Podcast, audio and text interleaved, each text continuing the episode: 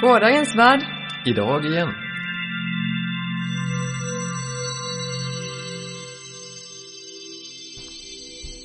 Ja, då var vi här igen.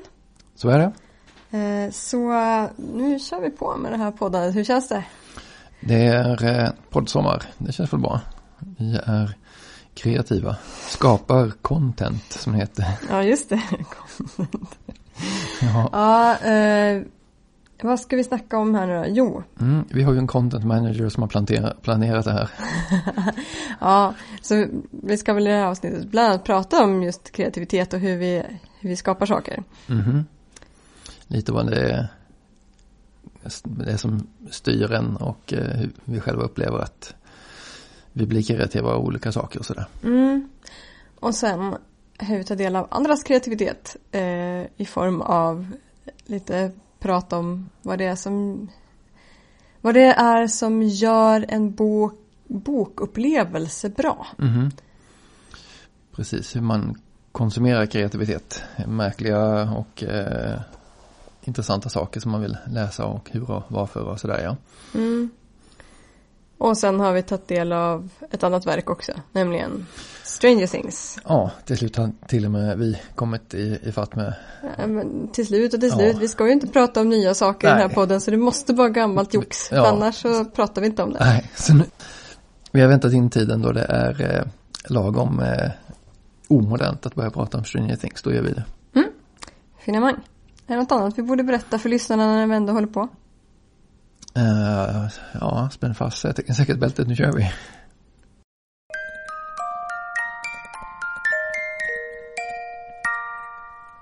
Det här med att prata podd, Mm. provprata kring diverse ämnen och eh, hitta roliga eh, uttrycka tankar. Det är ju ett, en form av kreativt skapande.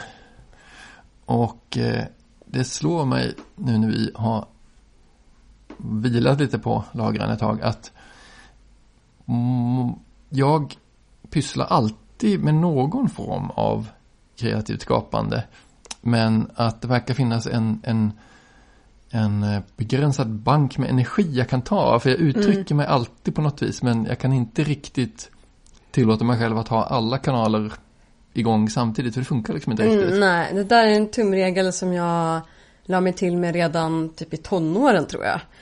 Det går inte att ha alla fritidsintressen igång parallellt hela Nej. tiden. Nej. Man måste varva dem. Mm. För att eh, tiden räcker inte till annars. Och om man spär ut dem för tunt Mm. eh, och håller på med varje grej bara en kort stund i taget. Då blir det inte tillräckligt intressant eller man kommer inte tillräckligt långt. Mhm. Det, blir, det blir som i skolan. Det blir så att så fort man kommer igång så måste man avbryta. Och det är ju inte så kul. Nej. Och man kanske inte heller alltid inser att eh, saker man pysslar med tar ur den här kreativt skapande kategorin. Liksom. Att det är det energin för kreativt skapande man, man, man tar ur. Eh, jag har ju observerat att skriva brev till exempel, som jag som samlar på reservoarpennor och kan faktiskt använda dem för att skriva fysiska brev med. Jag har ju märkt att komponera brev, eh, det är ju på något vis samma verksamhet som, som jag, jag eh, eh, som jag, när jag hängav mig åt att, att skapa skönlitterära texter. På något vis är det samma typ av kreativ energi. Jag pysslar inte med det ena när jag pysslar med det andra. Och, Mm, samtidigt så tror jag att eh, eh, det är lite dumt att tänka på det som att man har en pott som man ska lägga på allt. Därför att den där potten av energi man har, den kan ju också växa. I alla fall tycker jag det att när, eh, när jag är i en eh, period när jag håller på med saker väldigt aktivt. mm, Då växer den där potten med, med energi som jag har. Jag- Jag får fler idéer. mm, Jag blir mer intresserad av att hålla på med saker länge och så vidare. mm, Om, om jag inte håller på så mycket med saker då blir varje liten grej ett stort projekt och då blir det liksom svårare eh, när jag inte har farten uppe. ja, Så att, att, att göra en kreativ sak kan göra att jag, att jag tränar mig. Att jag liksom eh, får upp energin. Att jag bygger på den här banken av energi på något sätt Mm. också. Mm. Så att den blir större totalt sett. Ja. Jo, jo det, det, det stämmer definitivt. Fast det känns ändå på något vis som att det finns någon form av gräns för hur mycket Ah, kreativ kraft jag kan producera. Men jag känner också igen det där. Jag vet att jag en gång i tiden hade en rollspelsblogg där jag publicerade en text eh, en gång om dagen eller varannan dag som eh, åtminstone. Och då kan ju tycka när man väl sätter igång är det väldigt svårt att tänka sig att jag ska skriva någonting varje dag. Hur ska jag hitta någonting att säga? Men precis som du säger, när man har skrivit kanske en, en veckas texter eller någonting. Då blir det nästan svårt att inte skriva för då är liksom hjulen har börjat snurra på något vis. Mhm, det puttrar i bakhuvudet så fort du gör någonting annat. Ja. Och jag vet, jag har läst om det också. Ni vet, folk frågar författare som professionella författare och tycker, men, men hur får du nya idéer hela tiden och vad skulle hända om du inte har någonting att säga? Vad skulle du göra då liksom? Och hur hanterar du det här med writers block och sånt? Och eh, jag tror att anledningen till att de flesta författare som faktiskt klarar sig som professionella författare de får inte den här typen av blockeringar för just att det, den, det som gör att de skriver gör att de fortsätter att få idéer. Att skriva ger mer skrivande. Ja, För och det sen, överensstämmer liksom med min erfarenhet där också. precis. Och då gäller det ju liksom att hålla styrfarten uppe och då hjälper det att ha en rutin. Mm. Därför Oh ja. att eh, de författare som är väldigt produktiva de har ju ofta också ett väldigt tydligt skrivschema. Mm. Jag skriver den och den tiden eller jag skriver så här och så här mycket varje dag eller så. Mm. Och eh, då, då tror jag inte att, ehm, eh, att man fastnar lika lätt. Jag menar det finns ju också de som pratar om det här med att man kan skriva trams. Mm. När det inte kommer något vettigt skriver man trams ett tag. Mm. För att eh, till slut så finns det någonting i det som är liksom en krok att gripa tag i och göra någonting med. ja. Jo, det är väl som den här berömda påståendet att, att eh, första miljonen ord man skriver det är bara skräp. Så det bästa är att skriva en miljon, en miljon ord väldigt fort. Så har du skrivit, har du skrivit av det där skräpet så börjar det bli bra sen. Och då an, jag antar att det ligger någonting i det.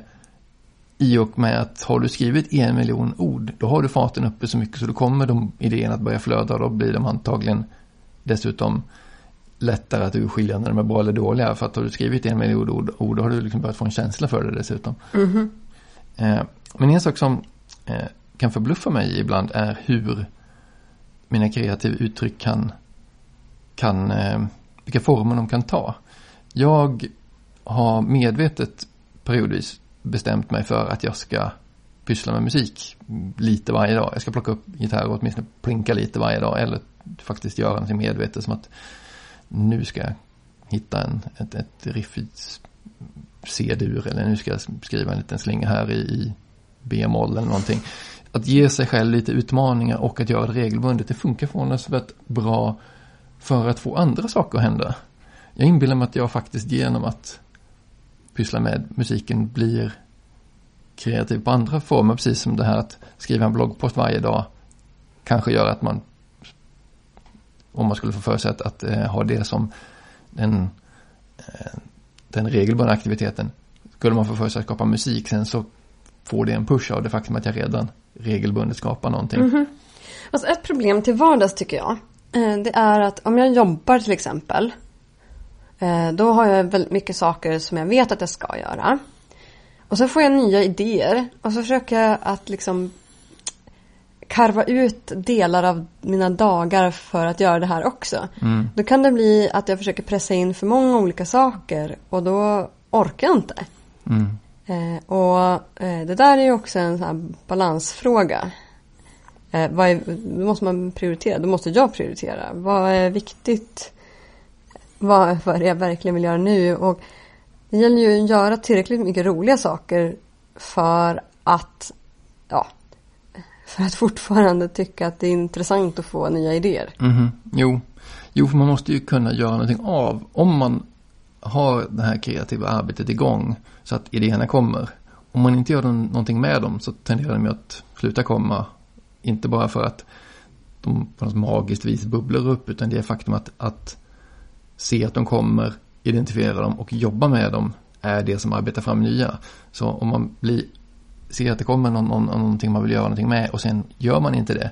Inte nog med att det är frustrerande att inte komma till skott. Dessutom så man Ja, man föder ju liksom inte längre sin musa så att säga. Mhm, exakt, den behöver matas lite Ja. hela tiden. Precis. Alltså det, det sämsta jag har gjort i den vägen, det har jag säkert sagt förut, men eh, det var under doktorandtiden när jag tyckte att jag måste bli en mer disciplinerad doktorand. Jag måste jobba hårdare för att bli klar med min avhandling. Mm. Så jag slutade göra massor av saker som jag tyckte var roliga. Eh, jag slutade ge ut mitt fanzine under en period till exempel. Mm. För jag tänkte att det tar för mycket tid, jag kan inte hålla på med det här. Och då blev ju livet tråkigt istället. Då blev jag ju nästan deprimerad. Mm. Eh, alltså, jag, jag mådde ganska dåligt Mm. under den tiden. För just det som du gjorde som faktiskt var roligt, det var det som gav dig energi att faktiskt skapa avhandling också. Eh, ja, jag tror faktiskt Mm. det. Så det var en dum idé. Mm.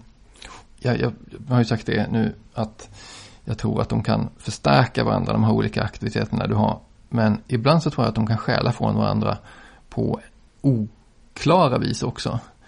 Jag har till exempel inte skrivit någonting skönlitterärt på år och dag. En gång i tiden så gjorde jag det väldigt eh, regelbundet.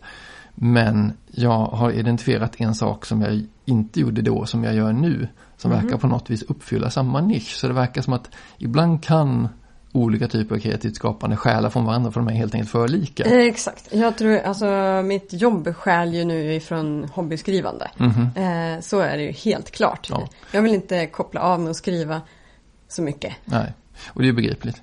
I mitt fall så tror jag det handlar om att jag, jag spelar rollspel regelbundet, mer eller mindre regelbundet nu för tiden. Mm. Vilket jag inte gjorde när jag kunde, skapa, när jag kunde skriva noveller.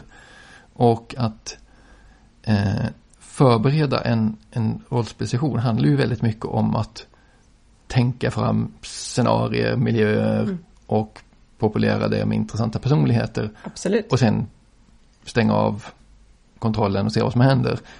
Och det är nog egentligen, och det är ju fullkomligt uppenbart när man presenterar på det här viset, att det är samma typ av skapande. Ja. Men jag såg inte det förrän jag liksom hade åratal av perspektiv på det hela. Och eh, jag har inte lust att sluta med det ena för att få tillbaka det till andra, så jag vet inte riktigt hur jag får ihop det där. Mm. Alltså jag skulle gärna vilja skriva skönlitterärt. Jag har ju typ aldrig riktigt gjort det på något systematiskt sätt. Men jag drömmer alltid om att göra det. För det tror jag alla gör som läser skönlitteratur. Mm. Att- Efter att jag var besökt en science fiction-kongress och prat, lyssnat på eller pratat med författare så blir jag alltid supersugen på att skriva någonting. Mm. Jag med, men jag gör det inte. Jag har aldrig gjort det, typ. Jag har ju gjort det så vem vet kanske får jag komma ett skott igen. Mm. Okej, ja det finns lite olika, olika saker som man kan göra. Man får helt enkelt hushålla med sin energi och varva det lite på ett bra sätt. Och försöka välja vad som eh, känns mest motiverat. Mm. Och sluta inte skapa för då Nej, exakt. Fortsätt inte. så kommer det. Ja, så nu gör vi ett par poddavsnitt till att börja med.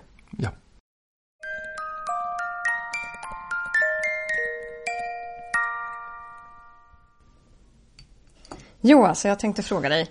Jag gillar ju att läsa böcker jättemycket. Mhm. Och ungefär minst en gång om dagen så tittar jag på mina böcker och tänker Jag vill läsa jättemånga böcker! Hur ska jag hinna med allihop? Ja, och så blir jag lite stressad.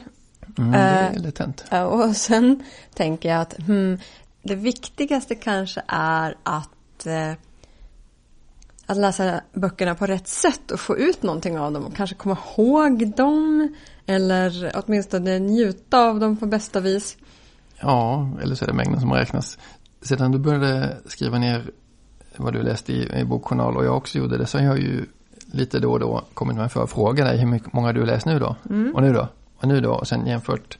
Då det, utan att jag avsett det, blivit något av en tävling. Men jag tror att jag får jag tror att jag har kommit förbi den psykologiska eh, hang-upen just nu eftersom jag blir rundligt slagen av dig varje gång jag jämför mig. Ja, jag har fått upp farten lite på senare år faktiskt också. Verkligen. Eh, Det måste, men det är ju just för att jag hela tiden tänker jag måste, jag måste läsa mer. Ehm, men jag är inte säker på som sagt att det, den här glupskheten är så bra. Eh, så jag har börjat fundera en del på hur jag ska få ut det mesta av böcker och vad jag egentligen vill ha ut av dem. Jag är inte riktigt säker på att jag har landat någonstans dock. Mm. Nej, ibland så när jag ser, när jag håller på att avsluta en bok. Så går jag och tittar på bokhyllan och tänker att den där skulle jag kunna ta härnäst och den där. Och då känner jag lite efter att ah, det där var jättekul att ha läst den. Och sen vill jag ha läst den där, sen har jag läst den där. Och sen kan jag nästan gå och gotta mig åt hur jag är, hur bildad jag är som har läst alla de här böckerna. Eller, något, eller hur mycket kul jag har haft när jag läst de här böckerna. Sen har jag faktiskt inte ens öppnat dem än. Nej men, men, alltså det är ju jätteroligt att bara gå och, och gotta sig åt att de finns och sådär. Det är det. Saken är ju den att jag brukar nästan aldrig läsa någon av de böckerna. Utan när jag väl har avslutat den där boken så blir det en helt annan sak jag plockar på mig. Ja, ja. Och jag har märkt att jag nästan aldrig, de, de gånger jag faktiskt har gjort så att jag har titt, gått och tittat i förväg och sen plockat ut, okej okay, nu blir det de här. Försöker jag läsa dem så kommer jag nästan aldrig igenom dem. Alltså jag har lite grann av den grejen också. Därför att jag gillar ju att bygga en hög med böcker så att de här vill jag läsa riktigt snart nu. Mm. Eh, och då när den bok, bokhögen blir allt för överväldigande då känns det extremt skönt och avkopplande att bara gå och ta en helt annan bok och mm. läsa den istället. Ja, och jag har ju, jag har, när jag har gått förbi det stadiet, jag, jag bygger inte ett höga längre för det, det, är inte, det är ingen mening med det. Eh, Fast det är roligt, det är jätteroligt att bygga de där högarna.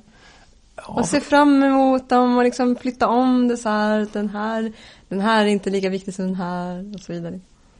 Ja, det är väl det jag har insett att det inte är någon är någon mening med. De ligger bara där att ta plats. För jag kommer ändå aldrig läsa de där böckerna. Försöka så blir det bara motigt. Det, det är som jag har någon sorts psykologisk spärr mot det där att planera mitt läsande. Snarare blir det så att när en bok är slut. Den sinnesstämning som boken lämnar mig vid på sista sidan. Det är den stämningen jag sedan vill förstärka eller bryta av mot. Mm, den stämningen mm. är jag inte i förrän jag kommit till sista sidan i boken. Okej, men eh, jag har ju ofta många sinnesstämningar under loppet av en bok eftersom mm. jag inte läser en bok på en dag utan ofta håller på rätt länge med den. Mm, ja, detsamma. Ja, och då, eh, då kan jag inte ha bara en bok för att den kanske inte alls passar mitt humör en viss dag.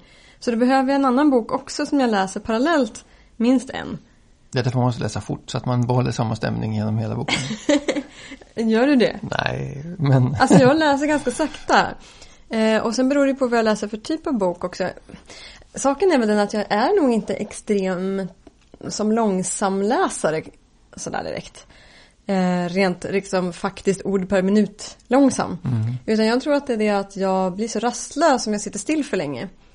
Så jag har jättesvårt att eh, sitta länge i sträck och läsa en bok eller ligga eller ja. Mm. Ibland så promenerar jag och läser Ja, jag kan Ja, hitta någon också. lämplig liten gräsplätt eller så att gå runt på. Det tycker jag är jätteskönt. Men inte ens då kan jag läsa länge. Ja, för jag blir i huvudet om jag försöker göra det. Då går jag rakt framåt kommer jag gå in i någonting. Går jag runt så blir jag i huvudet. Ja, jag lärde mig redan som barn hur man gör för att titta på omgivningen i utkanterna av böckerna så att jag kan styra liksom var jag går samtidigt som jag läser. Ja, jag har haft glasögon längre än dig så jag har väl, mitt synfält har väl blivit smalare.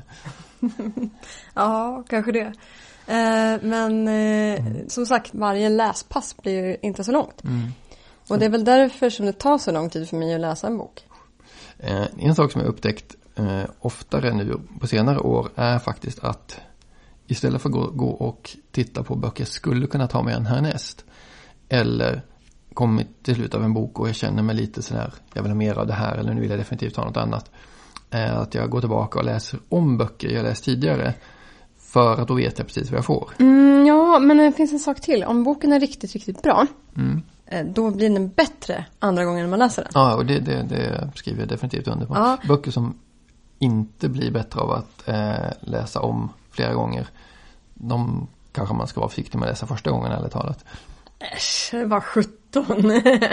nu vet jag inte. Vad är det för fel med att läsa dåliga böcker? Ja, det är väl Okej, jag, jag, det- jag var inte 100% allvarlig med det här. Men eh, jag måste väl erkänna att den här tanken på att kommer jag någonsin hinna läsa alla böcker jag vill läsa innan jag dör har börjat smyga, den bara tanken har börjat smyga sig på mig en smula. Så jag läser färre tjocka böcker och jag läser om mer saker som jag vet att jag gillar. Men, men alltså, där kommer vi tillbaka till det här. Vad är det man vill ha ut av läsningen? Vad är det som gör att läsningen blir värd något? Och, och det som stör mig då, det är ju att många böcker jag har läst kommer jag ihåg så himla dåligt. Mm. Jag försöker trösta mig med att de har blivit en del av mig på något sätt erfarenhetsmässigt eller så att någonting av dem fastnade i mig ändå på ett omedvetet plan. Jo. Men det är väldigt irriterande att inte kunna tänka tillbaka på dem för att jag vill ju egentligen kunna prata om en bok, kunna liksom komma ihåg detaljer och egentligen vill jag ha ett ordentligt index över olika idéer som förekommer i olika böcker. Så att jag kan jämföra till exempel hur beskrevs rymdhjälmar i, Ja. i de här, de här, de här rymd-SF-böckerna. Som man i en konversation när någon tar upp rymdhjälmar kan säga, ja ah, just det, det kommer jag ihåg, det skrivs som så här i den här boken. Precis, Ja. så skulle jag vilja vara.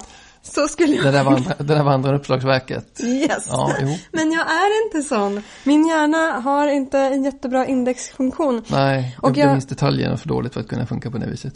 Ja, och samtidigt så är det ju ofta detaljerna som jag blir gladast av och, mest entusiastisk över medan jag läser en bok. Alltså att jag, jag kan ehm, utropa att wow, eller jag gör små anteckningar i min anteckningsbok om den här, den här grejen som var en liten, liten sak men som jag fastnade för just då. Mm.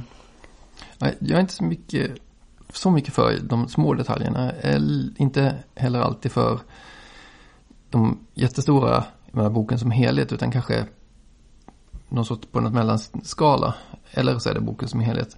Men någonting jag skulle vilja göra är just det där, komma ihåg saker så jag kan säga, det var i den där historien, det, det var i den där boken det fanns. Eller möjligtvis jag kan citera från boken och säga så att detta uttryckte på detta vis i den här boken. Det Alltså- skulle ju vara intressant om man kunde göra, men jag tror jag är förlikad med mig att jag, mitt minne inte funkar på det viset. Sen också en annan sak som jag tycker är jobbig det är att jag är så trög på att plocka upp titlar och författarnamn i huvudet. Mhm. Så när jag sitter och pratar så här, det har du ju märkt. Ja, du kommer har- aldrig ihåg namn på skådespelare och så. Nej, och våra lyssnare har också märkt det att jag hummar lite grann och så tar det en stund innan en titel dyker upp. Mm. Men eh, eh, det är ju jättetråkigt. Eh, därför att eh, det gör det ju mycket svårare att prata om böcker. Är Jo. mycket trögare att Mm. prata om dem. Det är jag lyckligtvis hyggligt bra på. Jag brukar komma ihåg titlar och Mm. personer i böcker och personer som författarnamn och sådana saker. Men alltså ofta. finns det något sätt att bli bättre på det här? Finns det något sätt Prata att om det kanske. Ja, Plocka upp det minnet ofta så sätter det sig bättre. jag borde liksom gå tillbaka i min läsjournal och liksom repetera igenom. Det här, det här, det här, det här har jag läst. Eller, Mm. Ja, kanske det.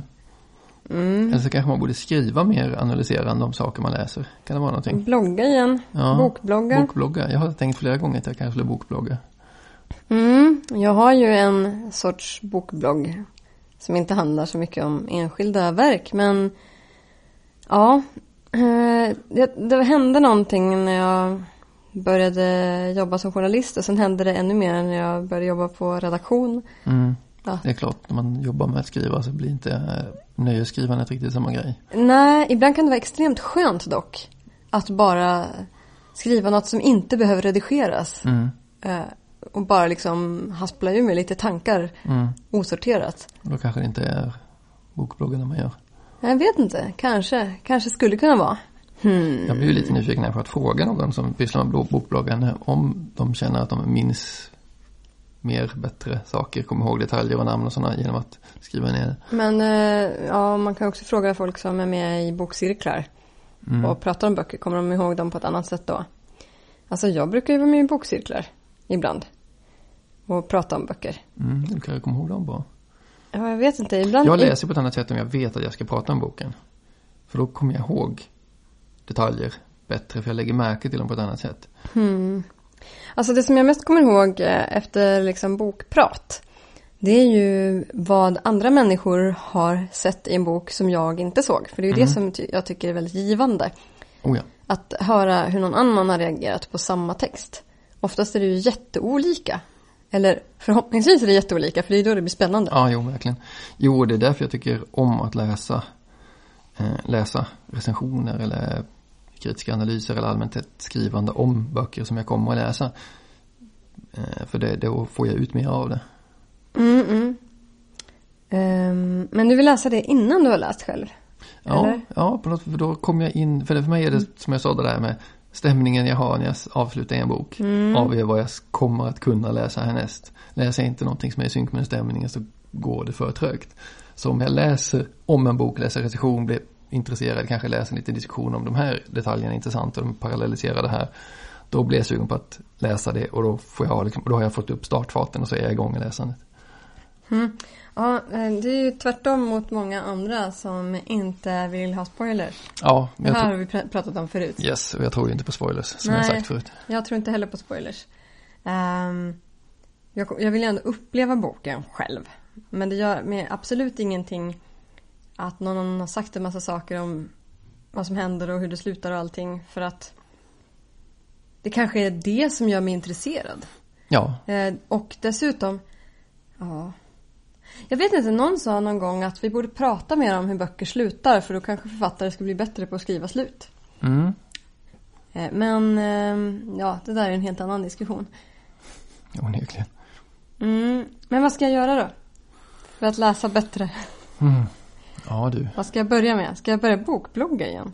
det kanske är det som är grejen. Jag vet inte, jag kanske skulle testa. Mm. En bok som jag läser nu har jag börjat skriva upp eh, anteckningar medan jag läser den. Mhm. Alltså en roman. Ja. Jag vet inte om det är bra eller dåligt. Eller, eller om, den, om man ska gå på den här teorin om att minnen funkar bäst om de eh, kombinerar olika sinnen. Man kanske ska ta sjunga boken för sig själv eller måla den eller någonting. Det låter jättejobbigt. Då Eh. kommer jag inte att läsa många böcker. Nej, det är samma här. Samma här.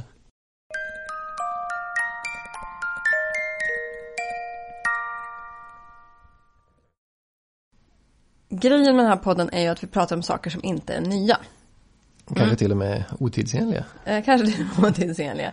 Eh, så jag tänkte på det eftersom jag har sett Stranger Things och den är inte ny längre. Den har hunnit ligga till sig ett tag, så då kan vi snacka om den tv-serien. Eh, och den är ju eh, två gånger intressant då när det gäller saker som inte är nya för att den också utspelar sig i en annan tid i, i 80-talet. Och när den kom, den här serien, 2016 var det va? Det var några år sedan så det kan Ja. stämma. Ja. Eh, då snackade alla om hur eh, nostalgisk den var. Mm. Det var lite som eh, Ready Player One. Den kom också och folk pratade om, om, om eh, nostalgi och så här. Det kanske var någonting som... Ja, ja, men jag tyckte, jag tyckte verkligen att Ready Player One, den kom väl lite senare. Jag tror det var Den kanske är för ny, vi kanske inte ska snacka Nej, om den. det kan inte säga. Ja. Men, det, men det kändes som att det var någonting i luften där. Men ja, Ja, men i alla fall. Eh, jo, jag tycker att eh, eh, Stranger Things för mig kändes aldrig som som nostalgi. Alltså den triggade inte något hos mig som var så här, oh, 80-talet. Jag minns det här och det här och titta, nu blinkar de åt det där. Alltså just den grejen. Den fick inte jag. Förmodligen för att jag inte känner till eller, eller känner igen alla referenserna och sådär. ja alltså, Okej, en. En tog jag. Och det var E.T. det, det finns ju definitivt gott om så här, tidsmarkörer och grejer. Ja men tidsmarkörer, visst för att, för att det utspelar sig Jo. i den tiden. Precis, men det känns inte som att de finns där för att vara tidsmarkörer, för att vara, haha titta kolla vi fick med det här också. Eller den där typen av blinkningar eller som man säger, eh, saker som, som känns som att de är ditsatta på något vis för att kolla vad vi kan göra på något vis. Vilket det kan bli ibland ifall man gör någonting som är tänkt att vara en, en, en tidspis liksom. Eh, det kändes som, och det kanske är det som gör att jag tyckte att Stranger Things funkade så bra, att det var storyn och karaktärerna som de hade jobbat med. Sen att de valde att sätta den i en setting som var 80-tal och därmed fick möjlighet att gå tillbaka till sin egen barndom och uppväxt och plocka in massor med roliga grejer därifrån. Det kändes som att det var någonting som inte fanns där för att de skulle visa hur kloka och smarta och vitsiga de var utan för att passar helt enkelt. Vilket gör att det funkar bättre på ett annat sätt än vad det kanske kunde gjort. Nej, men alltså varför utspelar det så eh, i så fall alls på 80-talet? Eh, jag tror ju, jag menar alla människor som har snackat om det här nostalgigrejen. Eh, de pratar ju jättemycket om hur de använder sig av och refererar till populärkultur ifrån den tiden. Eh, så det måste ju finnas där. Jo, Men- jo det, det, var väl inte, det var väl inte så att det inte var en, en del av, av tanken när de skapade hela. Men det känns lite som de kom på idén eh, tänk om några, några ungar eh, som tillbringar mer tid nere i källaren och spelar Dungeons and Dragons än att faktiskt vara ute i verkligheten plötsligt konfronteras med lika fantastiska ting i verkligheten och så blir verkligheten som deras fantasier. Vore inte det en lattjo-grej? Och sen så kom kommer de på en story och sen så var det väldigt mycket just den där ehm, upplevelsen av hur det var att vara de där nördiga grabbarna nere i, i källaren och som satt och spelade Dungeons and Dragons som de började med som de sedan fyllde på med extra 80-talsgrejer utöver det på något vis. Kanske. Men alltså, de här Duffer Brothers, är inte de typ för unga?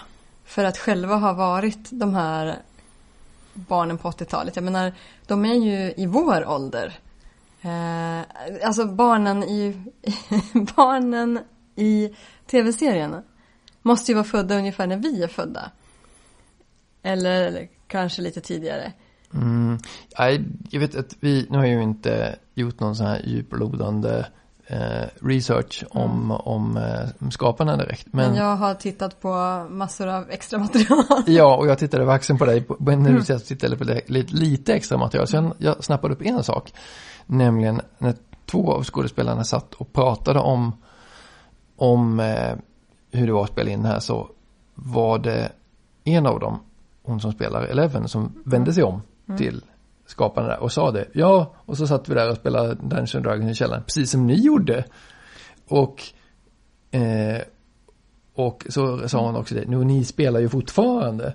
Och det var uppenbart att de skaparna eh, hade när de växte upp varit precis de där ungarna nere i källaren som satt och spelade Dungeons jo, Dragons. Fast, fast lite en, i en senare tid. Det kanske inte var 80, nej det är nu den utspelar sig i 80. 83, tror Ja. jag, 83, 84, 85 Ja, va? det kanske inte var 83 till 85 utan det kanske var Mm. 87 till 90 eller någonting. Men det kändes ändå som att det fanns en sorts koppling där.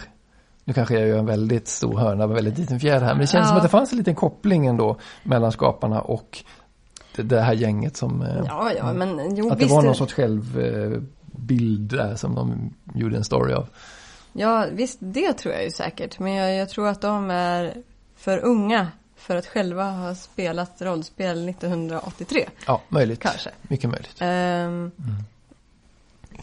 Eh, En, en sak som funkar väldigt bra med eh, Stranger Things är ju hur de använder musiken klippningen är också väldigt snygg. Klippningen är väldigt snygg eh, och ljudsättningen är väldigt snygg. De, de bitarna av, av, av så att säga, produktions, produktionen sådär, eh, funkar ju jättebra. Eh, de gör eh, jättebra grej av hur de använder eh, musik eh, frasera berättandet. Hur, hur man lägger upp hastigheten i, i hur scenerna utvecklas Mhm. och hur man som när man lägger upp ett, ett avslöjande om, om eh, en person eller en, en, en händelse, aha det var egentligen det här som hände. De kombinerar ofta det väldigt snyggt med byte i musik och snygga klipp och sådana grejer. Just de bitarna tycker jag funkar väldigt bra i den här serien. Eh, och de blir ju ofta också lite nostalgipiller eftersom det ofta då är någon, någon musik som man känner Ja, igen som inte jag känner igen. som man känner igen, jag på säga.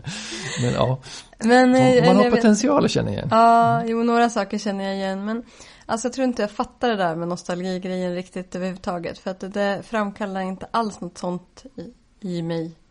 Och jag minns ändå 80-talet. typ. Mm. Men ja, som jag har sagt förr. Det, det som jag upplevde av 80-talet när det var 80-tal var ju att saker var ganska fula och tråkiga. Mm. Ja. Eh, det var väl eh, 80-talsmodet som jag upplevde var ju pastellfärger och spretigt hår. Inte särskilt vackert. Eh, och eh, eh, kultur som jag upplevde var nog eh, övervintrande saker från 70-talet. Så jag kan inte påstå att jag tyckte att det var särskilt eh, häftigt eller intressant just då. Det är ju det som är lite luriga när man gör sådana här eh, period pieces, här när man sätter en, en, en tv-serie eller en film någonstans Mm. i, i en historisk period. Att det finns ju aldrig ett, i det här fallet då 80-tal, det finns många 80-tal. Mm. Eh, och vilket man väljer att, att göra en grej av det kan ju antingen man kan, man kan känna, känna omedelbar resonans med, med det eller så känner man att det här är inte alls mitt 80-tal eller sådär. Men eh, jag tycker de har gjort bra helhetskänsla på det här i alla fall. Mm. Även om det inte prickar mitt 80-tal alla gånger så finns det många charmiga beröringspunkter. Ja men alltså jag tror att det, nostalgi inte är någonting speciellt bra. Jag tror att om man bygger en tv-serie på nostalgi då blir det inte bra. Så att eh, det är bra för min del, för min upplevelse att det inte bara är en nostalgigrej. Ja, ja, oh ja. Jo, det håller jag med om. Och eh, en, en, att bara bygga en film eller en tv-serie på nostalgi, det, det är nästan dömt att misslyckas. Man ska ha en, en stark vision om en story man vill sätta i den här stämningen eller den här Mm. miljön eller någonting. Har man inte det så kommer det inte funka. Bara nostalgitrippande blir liksom bara fånigt. Eh, Även om det finns folk som har försökt göra det i film och tv-serier också. Så det har sällan övertygat mig i alla fall. Och då kommer vi in på story då. Och just storyn tycker väl jag är eh, bra i första säsongen. Mm, kan jag Eh, hålla med om. Och i andra säsongen så är den en ny story. Och då måste man göra någonting nytt med den. Och det lyckas väl rätt okej. Att knyta an till den första säsongen och ändå fortsätta på något. Men samtidigt så kommer det in lite nya intressanta personer. Och Max tycker jag tillför något för att det var ju inte så många eh, tjejer från början. I den och sådär. Så att jag tyckte att andra säsongen, eh, där var storyn helt okej. Mm. I tredje säsongen tycker jag storyn är helt vrickad och knäpp och hänger inte ihop och är bara fånig. Men, men personutvecklingen var intressant nog för att jag skulle tycka att den var värd att se ändå. Ja, typ. Eh, ja, jag är ju, är ju verkligen ingen tv-serieperson. Och jag tycker ju ofta att en tv-serie har många gånger ett grundkoncept. Och sen så harvar man på med det. Och sen så har man en story eller fem som man tröskar om på lite olika vis. Titta på Star Trek till exempel. Ja Eh, men alltså Star Trek är en helt annan typ av tv-serie, Ja, jo, en annan jo, era. Nej, jo, ja, visst det är en annan era, men, men det, det är fortfarande det här med tv-serier. Tv-serier bygger ofta på ett, ett eh, begränsat antal stories som man kombinerar i diverse permutationer. Det som är serien är oftast inte storyn som sådan, utan för att berätta en, en, en story, en, en eh, över en säsong och över flera säsonger sådana här saker blir ofta ganska, det blir ofta att koka soppa på en spik. För om du har en tv-serie med 20 avsnitt på en säsong och 40 minuters avsnitt, behöver bara summera ihop liksom hur mycket blir det om du ska göra fyra säsonger. Det blir väldigt många timmar du ska fylla med, med, med någon form av, av vettigt berättande. Enda sättet att göra detta är ju att fylla det med personer. Vilket gör att en tv-serie nästan per definition, om den inte är väldigt, väldigt kort, måste basera sig på personerna, inte på storyn. För det går inte att ha en story som är intressant och utvecklas så långt. Det finns undantag, men, men då måste man verkligen bygga på det. Eh, och eh, det här är, är ett, ett sätt som tv-serier tenderar att fungera på. Jag ska Ja. inte säga att det är alla, men de tenderar att fungera på det viset. Och eh, det som jag tycker är signifikant här är, som du säger, att, att första säsongen är storyn intressant och bra och funkar. Sen börjar det liksom knaka lite i fogarna. Och jag tror det kan bero på att i princip så har de samma historia en gång till och sen så ändrar de på lite saker här och där för att det ska fortsätta. Men det som egentligen är det intressanta är att det kommer till nya personer. Man får se hur händelserna i den första säsongen påverkar personerna från den första säsongen och, och hur de senare utvecklas när de konfronteras med nya personer, nya händelser mer knäpp, knepigheter och konstigheter. Mm. Men det finns ju också en bakomliggande historia som handlar om hur, hur det faktiskt finns en eh, någon sorts konspiration och eh, man får reda på mer om hur, hur den här portalen till the upside down, eh, liksom grinden dit, hur öppnades den?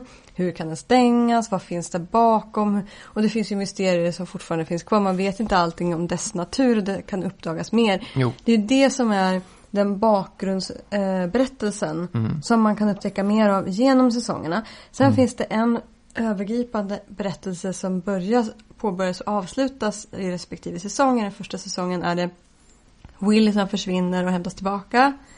Ja, och Eleven som dyker upp och försvinner. Mm. Mm. I säsong två eh, så är det Will som har de här nya upplevelserna av eh, någonting konstigt som kommer också ifrån The Upside Down. Mm. Eh, verkar det som. Eller för, för att den här mindflayern vet vi inte riktigt hur den hänger ihop med resten av, av det här övernaturliga liksom. Mm. Men den har ju någonting med det att göra för den tar sin kraft därifrån och så kommer de här eh, Demodogs, de här mindre monstren. Som vi inte heller vet hur den, de liksom rent metafysiskt på något sätt hänger de ihop med den här Demogorgon-saken fast de är hundformade. Så det finns ju en massa grejer där som mysterier som inte man vet. Jo. Och det, vänta, kan jag få säga färdigt bara?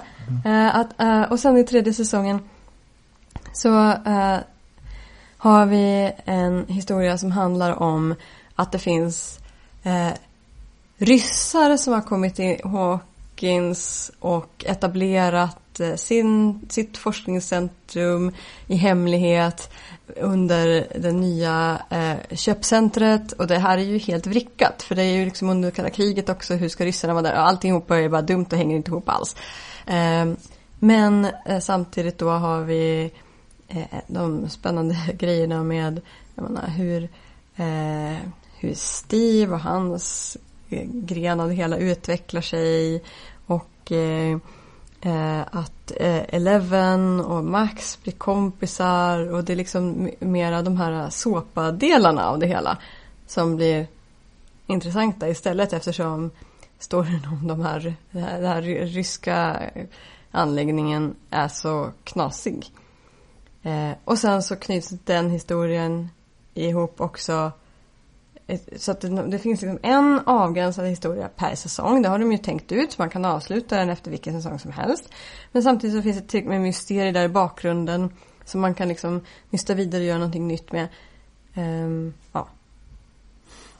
Jo, men vad jag for efter var väl lite så här att i första säsongen så öppnas det portal och sen lyckas de stänga den igen. Andra säsongen, det öppnas en portal och de lyckas stänga den igen. På sätt och vis är det samma historia. Jo, jo, jo. Ja, eh, men Och de gör den sämre andra gången, visst. Men Jo, precis. Per definition. Eller inte per definition, men nästan av nödvändighet. För att berättelsen har redan gjorts en gång. Så det du gör annorlunda är ju att introducera fler personer eller visa hur de här personerna som var med om den första händelsen, hur de har blivit formade av det här och hur de nu inte är samma personer och hur de hanterar detta faktum. Mm. Eh, sen håller jag med dig om att det finns eh, vissa bitar som till exempel som det här med Eleven, att hon är ju i princip är den en, en, enda eh, kvinnliga fokuskaraktären i första säsongen. Och det blir mycket intressantare när eh, Nancy, heter hon så Mm. va? Nancy eh, får mer skärmtid. Eh, det blir mycket intressantare när Max och Eleven blir kompisar och har egna scener tillsammans med varandra och de andra inte där alls. Nu klarar den faktiskt riktigt Ja, ja, precis. Jo, och det känns som att de där typen av, av eh, den sociala utvecklingen där, hur de, ut, de måste nästan bygga på sådana här saker för att de kan inte gärna göra, okej, okay, här har vi en portal en gång till liksom och, och för ärligt talat, det är ju som du säger, tredje säsongens plott är ju fullkomligt nonsensartad. Återigen har någon lyckats öppna porten, vi måste stänga den en gång till. Vad ska vi hitta på den här gången? Ja, vi tar in någonting lite mer. Det har alltid funnits lite, lite konstiga snack om, om militärer och, och eh, så här regeringskonspiration hejsan hoppsan. Och det är kalla kriget, men det är klart att vi stoppar dit ryssar liksom. Det har till och med pratats om ryssar ibland. Det är liksom, redan i första säsongen så, så är den, pratar de om that Russian kid och sådana grejer. Så det, det finns ju en rysk subtext hela tiden. Men det blir ju bara fånigt när man till slut verkligen plockar in ryssar i Mellanamerika. Det blir bara konstigt liksom. Ja, jag menar på den tiden när man faktiskt hade eh, tentaklerna ute. Hur skulle de lyckas ha en sån stor hemlig operation och bygga en sån maxad grej under en amerikansk småstad? Det, det känns ju verkligen jättekonstigt. Jo. Men jag vet inte, hur ska vi avrunda det här nu då? Jag vet inte. Vi, Ehm, vi ja. meandrar lite. Den, den eh, eh, vi får väl i alla fall konstatera att eh, den har sina styrkor, den har sina svagheter. Jag tyckte inte alls att jag känner igen mig eller förstår mig på det här med att folk säger att den bara är nostalgi. Och nu kommer ju säkert någon och kommer att försöka övertyga mig om att jo, det är den visst. Men eh, så var det inte för mig när jag såg den. Ehm, men eh, kommer du att se fjärde säsongen? Nej.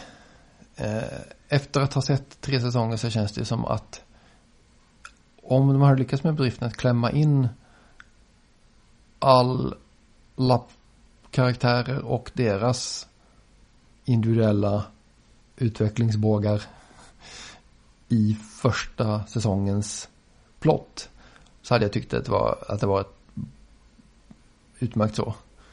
Eh, men nu kändes det verkligen som att eh, tredje säsongen gick på tomgång. Så jag känner mig väldigt ointresserad av att titta på något mer. Så den fjärde eller femte säsongen blir det inte för mig. Jag är nyfiken på vad som ska hända med Eleven. Eh, Det, kan jag säga. Det, det, det är ju intressant. Det vore Mm. intressant att se hennes story tagen till slut, definitivt. Alltså det är, för mig är det ju liksom Eleven som är huvudpersonen. Jo. Eh, men eh, jag vet, jag är lite orolig för att det ska bli något dåligt eller dumt. Att de inte ska göra något bra med det. Jo. Eh, och så. Sen finns ju förstås den här, eh, ska säga, största, liksom stora metaplotten om hur, vad är det egentligen som försiggår? Varför finns det hela tiden en, en, ett hemligt projekt på gång att öppna den här portalen? Vad är det för någonting som ligger bakom? Det finns ju någon stor, Ja, fast det, Militärt skedde ju, det skedde ju av misstag för första gången. Och vi vet ju eh, hur det gick till. Det var Eleven som öppnade den. mm, Men, eh, och eh, de har försökt att kämpa mot, med den sen. Men eh, det intressanta är ju också att det funnits då i den här serien ett stort militärprojekt mm, med psykologiska vapen. Ja, jo, jo, men det är det jag menar. Det jag försöker komma fram till, det jag försöker säga är, det finns ju en, en, en, en metastory här om att eh, eh, regeringsfolk, antingen någon form av, av eh, loose cannons i form av någon konstig läkare som kanske med någon högre maxvälsignelse håller på att pyssla med psykiska vapen och grejer. Eller möjligtvis ryssar eller något annat hejsan hoppsan har ju funnits, finns ju med från början. Det skulle ju vara lite in, intressant att se vart de till slut tar det där och hur de knyter ihop säcken. Personligen är väl kanske lite bränd dock av, av eh, eh, den här Arkivex, X-Files, där de hade en liknande upplägg med eh, konspirationer inom, inom eh, regeringsmakten och de drog ut över nio säsonger och det blev liksom verkligen löjligt och sen när de väl försökte knyta ihop det så blev det liksom det bara kollapsade. Luften gick ur ballongen fullständigt. Så samtidigt som jag känner ett visst litet svagt intresse av att vilja se vad de skulle kunna göra av det där så känns det som att man har blivit lite bränd av den erfarenheten. Mm. Mm. Ja, så jag får titta på den och så får jag berätta för dig vad som händer då. Gör så.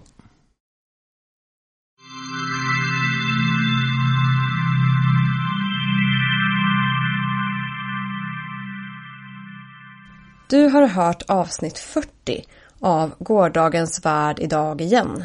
En ljudkapsel av Ante och Åka Davor.